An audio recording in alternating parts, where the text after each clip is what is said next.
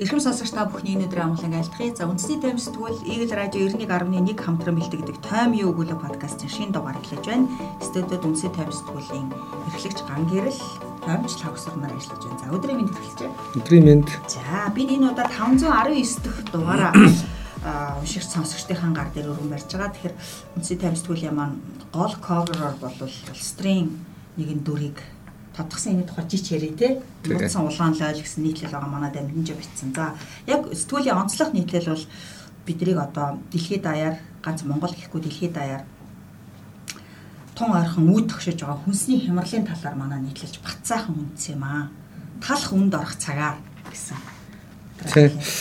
Яг энэ сэдвийг бид нар хүндэхтэй бол бас яг яалчгүй хүндэх ёстой сэдв. Одоо эдгээр зуны ихэнх сар гарчаад байгаа гэсэн гадаа цагаагаар ямар байгаа вэ? Тэгэд хаврын тариалт маань цагаурын нөхцөл байдлаас болоод оройтсон. Ер нь улаан буудаа гурилын асуудал бол ер нь жоохон эрх намраас асуудал дагуулж мэдхээр л болчиход байгаа юм байна л дээ. Тэгээд хамгийн гол шалтгаан бол Орос Украины дайнаас болоод ингээд дэлхийн нийт бол ерөнхийдөө хүнсний хомсдол тэр тусмаа ингээ улаан буудаа хомсдолд орох магадлал бол асар өндөр болцсон. Зарим улс орнууд бол эдийн энэ аюулыг бол ингээд одоо амсаад явж байна л да. Орос Украин нийлээд дэлхийн улаан буудаа нийт экспортын 30 Эрдэнэ шгшийн 18%-ийг бүрдүүлдэг юм байна. Чи Европын л бараг тэр чигт байгаа шүү дээ. Гэтэл энэ хоёр бол одоо тэгээд энэ дайн хизээ дуусах юм. Дайн дууссан чи экспорт хийж эхлэх үү энэ гэдэг асуудлууд байна. Украины хөдөө аж ахуйн хүнсний бодлого эрхэлсэн сайд бол бид нар одоо бол ерөөсөө нөөц бүрдүүлэхэд анхаарна гээд. Жишээ нь ургамлын тосон дээр ихэхэд 10 жилийн дор хаяж 10 жилийн нөөц байгаа гэж байгаа байхгүй. Үр тариан дээр 20 сая тонн ургацаа хаа бүгдийг хадгалсан гэж. Бүгдийг хадгалсан харин. Тэгэхээр энэ дээр ерөөсөө л Европыг одоо шинэ улаан буудаа Эрдэнэ шишээ хангадаг ингээд гол тариалт үгүй болчихлоор дэлхийн нийтээр хүнсний хомсдол орох айгүй өндөр магадaltaй байна. Одоо бол Египт, Йемен, Индонез, Бангладеш, Эфиоп, Ливан, Лив, Пакистан, Ирак гээд маш олон улс бол ер нь хүнсний хомсдолд орчихсон. Хоол дэжилийн дутагдлаас болоод аа бас сөрөг үр дагаврууд энэ бас гарч байгаа. Хөл хорионы 2 жил бас эхлүүлж байгаа шүү дээ өсгөл нь. За монголчуудын хувьд бол тодорхой хэмжээгээр одоо гурилынхаа холц хийх юм уу Улаанбуудаа тэрэмтгэд бас импортоор авдаг тий. Импортоор аавна. Манай Улаанбуудад миний ойлгоод байгаагаар бол чанар нь бол арай болдгоо юм шиг. Тэгээд ер нь гурил хийхин тулд заавал Оросоос заавал холц хийдэг. Холц хийдэг. Тэгээд Орос нь одоо яах юм байгаа энэ дээр яг манад нэг айгуу давуу талч гэдэг юм нэг мэдээ байгаа нь бол сүүлийн хэдэн жил дотоодоос улаан буудаа төмс хүнсний ногоогоо ер нь одоо бүдүүн ногоо гэдэг шүү дээ тий. Тэрийг ингээд 100% хангах талаар хичээж ажиллаж байгаа гэтэл нөгөө талдаа болохоор дэлхийн нийтийн юм байгаа учраас одоо бүсээ чангалаад тариалтай нэмэгдүүлэх гэдэг санааг л хүндсэн л дээ. Натрын дөрөвдүгээр аян эхлүүлж байгаа яг л таарлаа л да. Тий. Ерхөн манай горлын үйлдвэрүүд бол жил бүр Оросын албаны улсаас 100-аас дээш мянган тонн сайн чанарын улаан бууд авч гурилынхаа стандартыг дээшлүүлдэг гэж шүү. За тэгэхээр бацаахны маань бичснээр бол цэрэг дайны асуудал шийдэгдэхгүй бол энэ жил гурилаа жаахан чанаргүй буузаа төв хэрүүлчих гээд байдаг байсан. 90 он руугаа л эргэж таарах нь дээ гэл. За энэ бас манай үндэсний үйлдвэрлэгчдийн зүгээс бас гурилын чанарын асуудал бас анхаарал анхааруул анхаармаар зүйлүүдийг бас хэлсэн байлаар ганц юу гэлтгүү те? Одоо гурил талах нарийн боо гэхээр ганцхан гурил гардаг юм шээ. Үнийг дагаад илсэн саа гэсэн чихэрч үйдэг юм уу те? Тос. Бүрийн тос. Тэр олон зүйлүүд нэмэгдэхэр л байгаа юм л да. Тэгээд үйлдвэрлэгчдийн зүгээс ер нь тавьж байгаа нэг санаа болвол нөө спорт бэлтгэлээр одоо гурилууд тий юмнуудаа татчаавья. Тэгэхгүй бол үнсний хомсдол орох эрсдэл байна гэдгийг анхааруулсан байлээ. Ер нь энэ Украины нөхцөл байдлаас болоод хүн төрөлхтний 5.1-ээс илүү нь ядуурл өсөлөнгөөр сүрүүлж магадгүй гэдэг нүүби ерхийн нарийн бичгийн дарга бас хэлсэн. Тэгэд ер нь сүүлийн үед нэгдсэн үндэсний байгууллагын тэ аль бие осны хуудасд бол хүнсний хомсдлын асуудлаар асуудал төвшүүлсэн нийтлэл мэдээ мэдээлэл бол түлхүү гарах болсон. Өнгөрсөн 2 жилийн хугацаанд бол корона дээр л илүүтэй төвлөрж исэн бол одоо одоо буцаад үгүй буцаач гэж одоо хүнсний хомсдолд анхаарлаа хандуул гэдэг өнцөг явж байгаа юм лээ. Бас энэ бол дохио баха. Дохио бах. За дараагийн сэдвийг манай үлгэц болонд нийтлэлч дамжинж бичсэн. Тэгэхээр нэгэн улс төрчийн тухай нэгэн цагт тэр төрийн ордон руу ялзарсан улаан лойл шидэж явсан. Тэгвэл тэр өнөөдөр өөрөө Монголын улс төрийн ялзарч муудсан улаан лойл нь болцоход байна. Хэрвээ Монгол улс урууданд оройтож уужирч муудсаар буруудыг хинбээгвэл шулуухан түүнийг зааж болно гэж бодож байна гэж тодтогсон. За энэ ямар хүн гэхээр манай сэтгүүлийг бол олж харсан усууд анзаарсан бах. Улсын хурлын гишүүн асан Австралд сууга Монгол улс элчин сайдын яамны элчин зөвлөх тусах тий асан Бацаандан гэдэг хүн байгаа. Тэгэхээр энэ хүн өнгөрсөн 7 хоногт юу а дипломат аяллаа ажиллаа хайж ирээд дахиад гудамжны тэмцэлд орно гэдгээ илэрхийлсэн байгаа.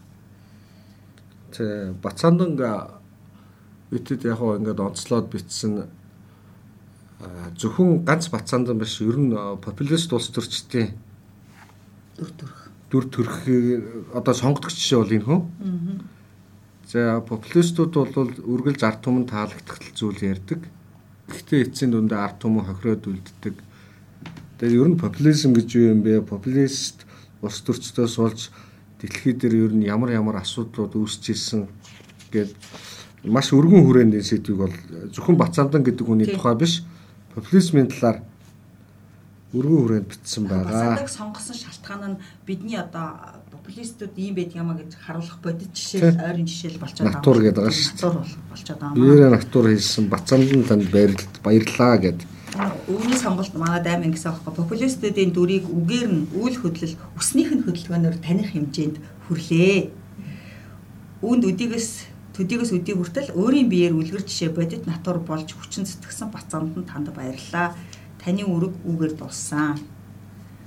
За бид нэр алийн болгоон гэл энэ мэд гаарсан одоо тий хамтарсан попрогчдод одоо тархиа угаалгаж гэж явах юм бэ. Тэг бас бодвостай зүйлүүд ийцсэн мэл. Ер нь бол тэгэл популистууд бол хизээч хэлсэн шигэ зүйл шийдвэрч гэдэг юм уу хэлсэн шигэ болгож байгаагүй. Тэгэл тэр бүхнийхэн төлөөсийг хамгийн сүүлд нь улсаараа л үрдэг. Одоо төрүүчээс ахуулаа залгамжлагч нь гарч ирчихэл төрийн ордонго орол гэл явж шít ямар ч хамаагүй аргаар тэндл орж ивэл те. За дараагийн сэдвийг энэ манай нийтлэлч Давос руу хүндсэн эрүүл биш эрүүл мэндийн даатгалын сангийн тухай хүндсэн. Өнгөрсөн сард тэмүүлэн билүү нэг хөө тий бас хүнд өвчтэй хөхөд ингээд эцэг их нь хандив тусламж гуйад скватрын талбай дээр хэмжлэгийн зардал босгосон. Тодорхой хэмжээ цөөхөн хоногт бас амжилттай бас.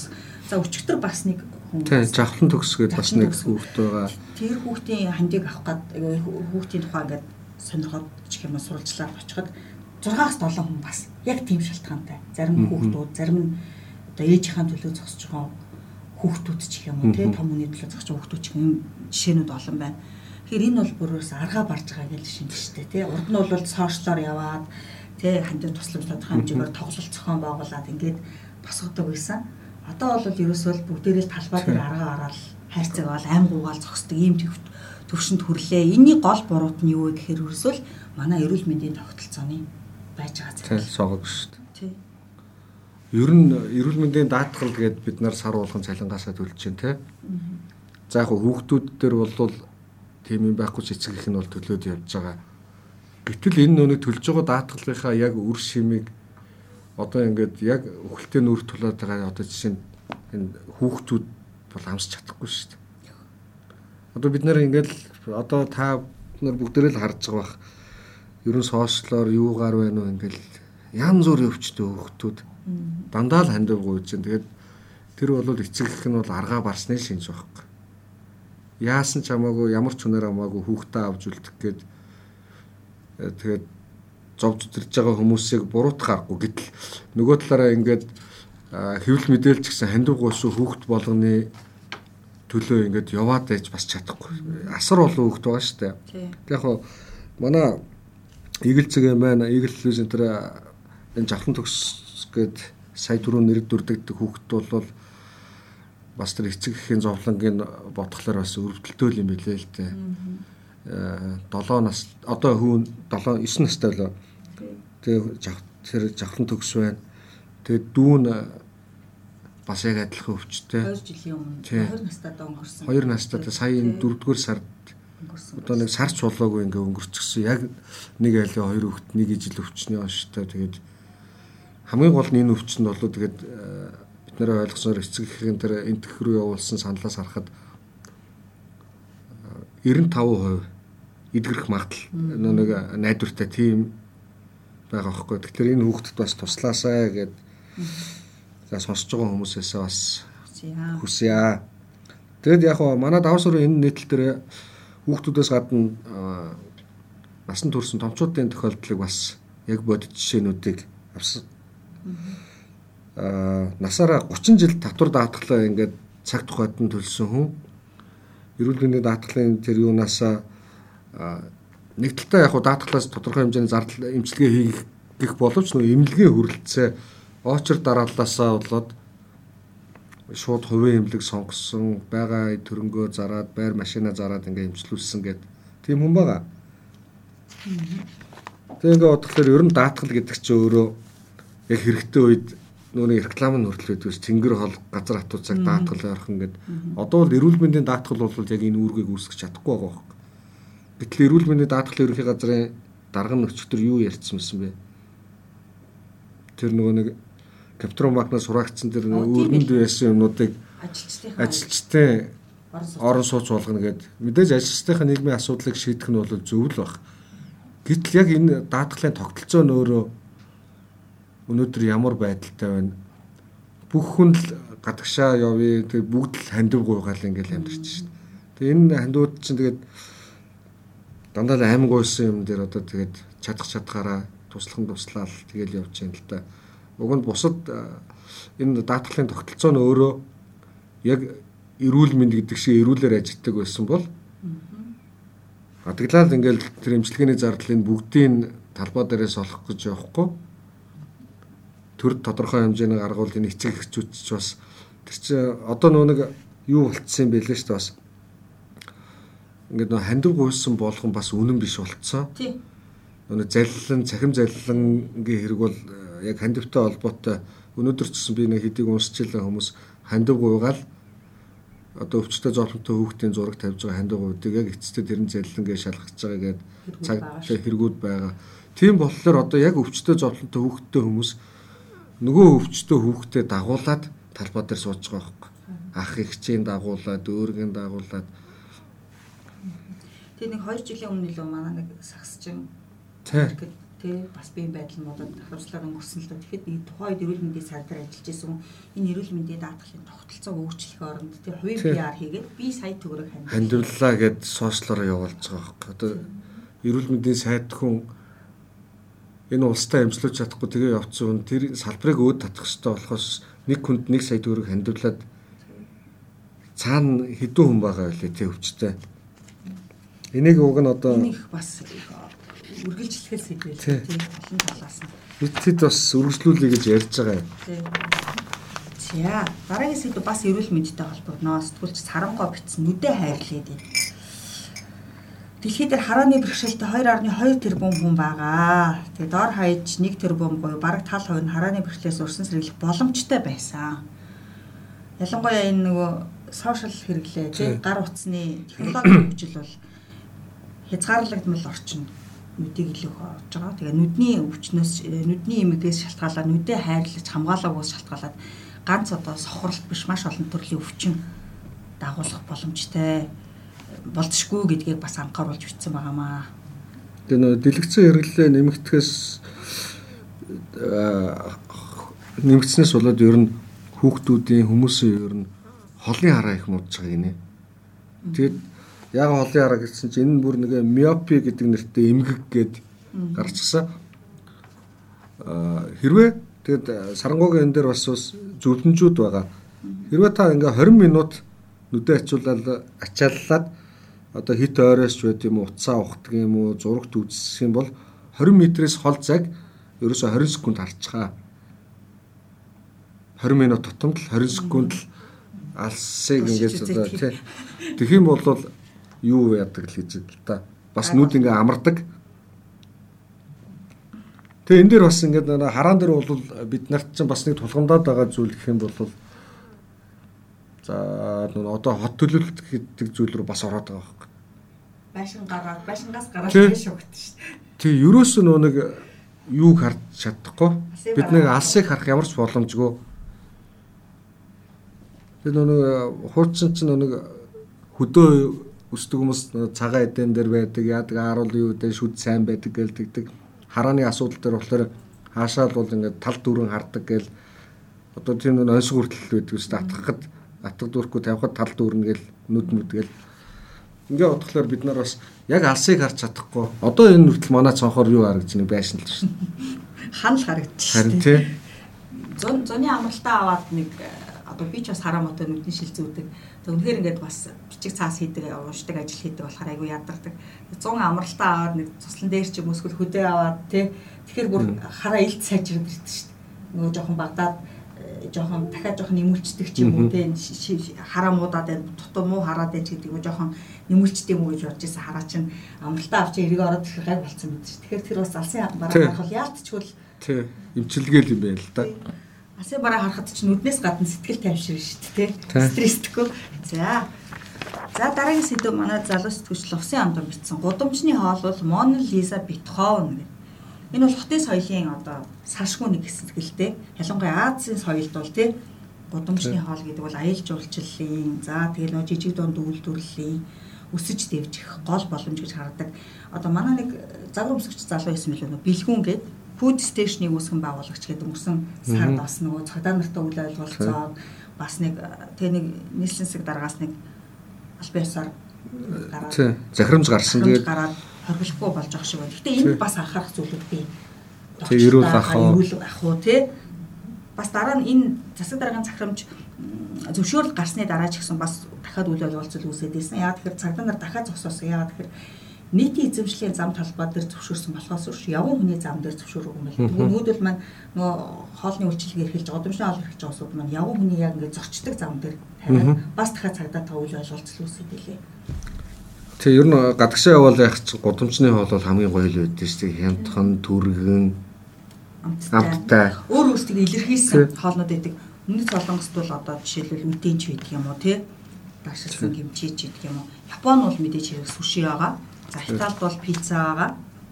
Америкт бүргэр шарсан төмөс. За тэгээд энэ нөө Италид юу Туркуудын кебаб бол одоо манай найруулагч мэдж байгаа бах тий сара юугаар Европоор бол кебаб эзэлсэн шүү дээ. Гэсэн годомчных нь хоолыг. Монгол онцлогтой годомчны хоол гэхэр жишээл юу вэ? Хушуур маань л ах юм. Хушуур байж болж байна. Тэгэл одоо монголчууд ч бүгдийг л идчихсэн шүү дээ. Тэгээ энэ дэр бас нэг манай лувсаа бас зарим нэг санааг бол гадны жишээнүүдээс тавьсан байлээ. Ямар санаа гэхээр одоо шин за ингээ годомчны хоол гээд бид нар чинь нэг шөнийн годомж годомж гэж хийгээл тэнцээ чи ингээл бас хоол мол байсан шүү дээ Тэгэхээр тэрэн дээр ингээд яг энэ гудамжны хоолн дээр тийм зөөврийн машинтай яриач байт юм уу ингээд асар засаад хоол хилээгээд тооцохлоор нүг байрлалын төлөх одоо өрсөлдөж гэдэг юм уу сайн байрлалд нэг нь машина тавьчаа тэгээд нийтийн эзэмшлийн талбай штэ. Тэгээ үргэлж минийх гэдэг зүйл яриад байвал бас болохгүй. Тэгэхээр Японд бол чинь энийг ингэ зохицуулдаг гинэ. Бүгдээрээ бүртгэлтэй гудамжны юунууд нь Тэгээд 7 7 хоногор ч байд юм уу? Ингээд сэлгээс сэлгээд ингээд тойроод явдаг гинэ. Тэгэхээр нэг хүн бол за үнэхээр хамгийн олон хүн хүнтэй байрлалд бол нэг өдөр тавиал 7 хоног тавиал хоолоо хийж зарна. Дараагийн удаад нь болохоор арай бага хүнтэй ч байд юм уу те? Ингээд явцдаг. За солонгост бол бас бүгдээрээ ингээд бүртгэлтэй байдаг. Гэтэ яг та байрлалын яадаг мэдгүй ерөөсөө өдөрт бол 100000 вон төлдөг. Одоо нэг 22 3000 төгрөг юм боо да төлөөл гудамжны холлоо тэгээд зөвшөөрөл нь одоо тийм байдгийг хөлсдөл байдаг л та. Яг нөө жижиг бичил бизнес гэдэг чинь одоо тэгэхээр нэг татврын дарамт гэдэг зүйлчүүд юм уу төлбөрийн тим хураамж энэ нь айгүй боломжтой байдаг юм байна. Годамжны хоол ярьсан чинь хөц төр үнхээр үлсчлээ. За дараагийн сэдвт орё. Entertainment манах боловсрол сууг телевиз маань Endemol Shine Group-ийн албан ёсны эрхтэйгээр яг түн шиг гэдэг шоуг бэлтгээд одоо тав дахь улирлаа хүргэж эхэлсэн байгаа. Өнгөрсөн бям ням гарагт гарсан тийм анхны дугаар тав дахь улирлын анхны дугаар гарсан. Тэгээд дуучин наран Монгол Улсын гавж жижигч Pop TV наран эхний дугаарын ялагчаар тодорсон. Тэгэхээр эхний дугаарын ялагч наранг хэрхэн хуурсан хийгээ. За энэ шоуны талаар сэтгэлийн манай эрдэнэ чимэг ярилцсан байна. Наран бол үнэхээр гайхамшигтай хуурж илж би хизээч одоо тэр нард жоох бүдөө болоод байна шүү дээ. Харгэлдөөч гэх юм уу. Эмэгтэй өнгөх жоох бүдөө болоод дээ. Тийм үү. Солонгосын GC билүү. Тийм. K-pop. K-pop-ын дуучин болно гэж үнэхээр төсөөлөөгөө. За эх 7 хоногийн одоо энэ ням гарагт бас шоуны шин дугаар гарна. Шин дугаарын ялагчийг бид нэр яг ясан даруйд нь бас халуун ярилцлагын эх даваа гаргийнхаа дугаараар хөргөх болно. За дараагийн болон тэд болон хөршийн асуудлаар. За хөрш гэдэг нь юу гэхээр бүгд найрамдахтад ард улсын сэтгүүлч Хууси Жин гэдэг сэтгүүлч бол хятадд үзэл бодлон илэрхийлэх хэрэгтэй цорын ганц хүн. Яг тэгэхээр барууны ертөнцид барууны сэтгүүлчид ялангуяа түүний жиргэг маш их татдаг. За Хууси Жин юу гэж жиргэнэ үү? Хятадын төрийн бодлого яг л тэгж гардаг. Тэгэхээр бараг хятадын одоо барууны ертөнцид өгж байгаа гол мессеж дуу хоолой болдог. Албан ёсны гадаад яамныхаа их сурвалжаар хэлэхгүй хэлэхмээргүй хатуу чанга үгээч гэдэг юм уу тий хуус хижинээр дамжуулаад хэлцдэг. За заримдаа өгнүүд нь бол арай хатууддаг. Жишээлбэл Австралтай худалдааны дайнтай бас төстэй нөхцөл байдал үүсээд ирэнгүүт хуус хижин Австралиг юу гэж хэлсэн бэл гэхээр хятадын гутлын ууланд наалцсан бох гэж шууд жиргэждэг тий. Гих мэдчлэн за тэгээд энэ хүнийг бол хятадын тороолуудын хаан гэж баруун нисдгүүлчид дүгндэг. Тэгтээ иш татгаа хизээч болдгоо байнга түүний үнээс ис чат татчихэдэг. Тэгээд Нью-Йорк Таймс Нью-Йорк Таймс бүр 2 жилийн хугацаанд 46 удаа иш татсан гэж байгаа байхгүй. Тэгэд айхтар юм билээ л дээ. Нэг жиргээгээрэл Боингийн хувцааны хувцааны үнийг унгаагаа ичдэг юм байна. Тэгэхдээ одоо ойрын 2 жилдээ шинэ онгоц худалдаж авахгүй авахгүй байх төлөвтэй байна гэж жиргэнгүүд Боингийн хувцааны хаш хэдэн хувь байж байдаг юм. Тийм нөлөөтэй. А гэтэл сүүлийн жилүүдэд буюу сүүлийн хагас сарын байдлаар хагас жилийн байдлаар хуус ижиний илт нөлөөнд багасаад ирсэн. Нэгдүгээр энэ Global Times гээд хятадын төрийн мэдлэгийн шар хэвлэл гэж хэлдэг. Төрийн мэдлэг тэгтээ шар хэвлэл гэж хэлдэг. Энийн эрхлэгчээр ажиллаж исэн албан тушаалаа нэгдүгээр төгсөн. Хоёрдугаар жиргэнд болон бусад хятадын өөрийнх нь төр веб-оч гэдэг юм нийгмийн сүлжээнд илт амаа татаад ирсэн. Тэгэхээр нилээн ширүү хөхтэй жиргээчийн одоо ам жоохон хомигдаад ирлээ. Тэгэхээр хууши жиний а нөлөө багасаад эхэлжээ гэдгийг бас дүүрсэн байгаа. Тэгэд зүгээр төрийн албан хаагчийн хувьд бол бас гайхамшигтай цалин авдаг юм билээ тий. Зөвхөн цалингаас гадна өөрийнх нь орлого бол энийг бас одоо Хонконгийн Ники Эжин Ника гэдэг Японы сони дээр бас илчилсэн байлээ л дээ. Яг өөрийнхөө хувьд бол яг яг эрхлэгчийн цалинг бол нэг 600 мянган юаны цалин авдаг. А TikTok дээр бол зүгээр л жилдээ 12 сая доллар болчтой юм бэл. Ийм сэтгүүлч болё. За дараагийн сэдв манай нийтлэлч Eagle News телевизийн сэтгүүлч хөтлөгч Ган чимэг бичсэн Netflix-ийн уналт ба стриминг үйлчилгээний ирээдүй гэд. Netflix чинь нөгөө 2 жилийн өнгөрсөн 2 жилийн хугацаанд коронавигийн хөл хорионы үеэр гэртээ байгаа улсуудын цагаа нөхцөх гол зүйл болоод түүхэн дээд амжилтаа тогтоогоод хэрэглэгчийн тоогоороо асар өндөрт гарч исэн. Тэгсэн чинь ерөөсө 2022 он эхлээл эхний улиралд 200 мянган хэрэглэгч алдаад ашиг орлого нь 35%-аар буураад байгаа. Тэгэхээр энийг бас учир шалтгааныг тодорхой. Цаашдаа ер нь хөл хорой багасгын хэрээр бид нар чинь энгийн амьдралд оролцохын шилжих хэрээр аль болох дэлгэцнээс хамааралгүй те чатарт очиж кино үздэг, чатарт очиж үзүр үздэг ийм режимдээ шилжлээ. Тэгэхээр энэ олон Netflix-ийн араас гарч ирсэн олон стриминг үйлчилгээнүүд цаашдаа ер нь яах юм бэ? Netflix ч тэгээд 22 онд дахин 2 сая хэрэглэгч алдах тооцоо байна гэдэг. Яг энэ ганагийн нийтлэлээр гараагүй хэлээ л дээ. Миний зүгээр нэг хувийн таамаглал шүү. Netflix ингээд хэрэглэгчээ алдаад байгаа. Ялангуяа тэр хэрэглэгчээ алдсан газрын зургийг ингээ харахад хойд Америк болон Европын хэрэглэгчид нэлээд цуцлсан байхгүй үйлчлэгээгээ. Тэгээ Оросуудыг бас хассан тийм. Оросуудыг хассан нөлөөсөн. Хойд Америк Европын хэрэглэгчид гэрээгээ цуцлсан шалтгаан нь би бол энэ хэтэрхийг Аз комитет оруулаад байгаа Азуудыг ойлгоход бас хэцүү шүү дээ. Бид нар бол солонгос киног ойлгоод үзээд идэг.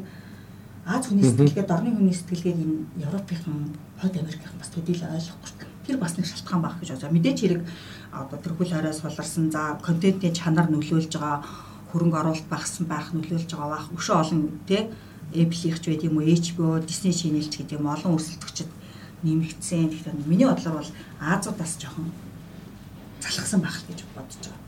Тэг ер нь айгүй болоо Аз кино. Дандаа л болохоор одоо хаяа ороод үзэх солонгос кино гэдэг шүү дээ дандаа. Тий. Аз ч гэж дан солонгос кино шүү. Солонгос кино шүү. За энэ мэтчлэнгээр Times Square-ийн 519 дахь дугаарт багтсан онцлог ярилцлага нийтлэлээс танилцуулахад юм байна. За бид уламжлал ёсороо 7 хоногийн онцлог гэрэл зургуудыг багтаасан байгаа. Сэтгүүлдээ мөн 7 хоногийн онцлог иршлүүдийг бас сэтгүүлийн машин дугаараас сонирхон уншаарай. За ингээд тайм өгөөлийн подкастын шин дугаар өгөр өндөрлөж байна. За эрэх даваагаар их дахин уулзлаа баяртай. Баяртай.